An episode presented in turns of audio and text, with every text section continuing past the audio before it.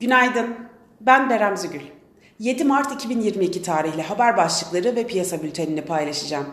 Rusya-Ukrayna müzakerelerinin üçüncüsü bugün gerçekleştirilebilir. Öncesinde Erdoğan'la görüşen Putin, savaşın sona ermesinin tek şartının taleplerinin karşılanması olduğunu söyledi. ABD Dışişleri Bakanı Rus petrolüne yönelik ambargonun değerlendirildiğini açıkladı. Bu açıklamayla Brent petrolün varili 139 dolara kadar yükseldi. Rus hazinesi ile şirketleri tahvil ödemelerini ister yabancı ister yerel para cinsi tahviller olsun ruble ile yapacak. IMF savaşın küresel ekonomi üzerindeki etkisinin ağır olacağını söyledi.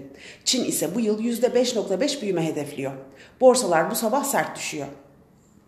Piyasalara genel olarak bakacak olursak, Pay piyasalarında jeopolitik riskler ve enerji fiyatlarındaki yükselişin devam etmesiyle Avrupa ve ABD borsaları haftanın son günü düşüşlerle tamamlarken Borsa İstanbul haftalık olarak pozitif ayrıştı.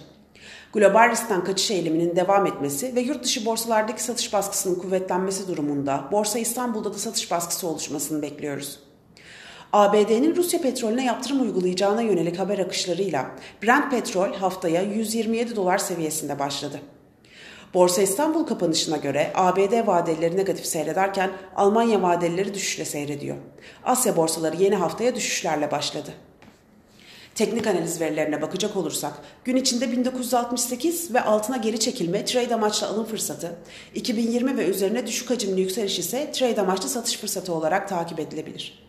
Viyop tarafında ise gün içi long pozisyonlar için 2241, short pozisyonlar için 2289 seviyeleri zarar kes seviyesi olarak izlenebilir.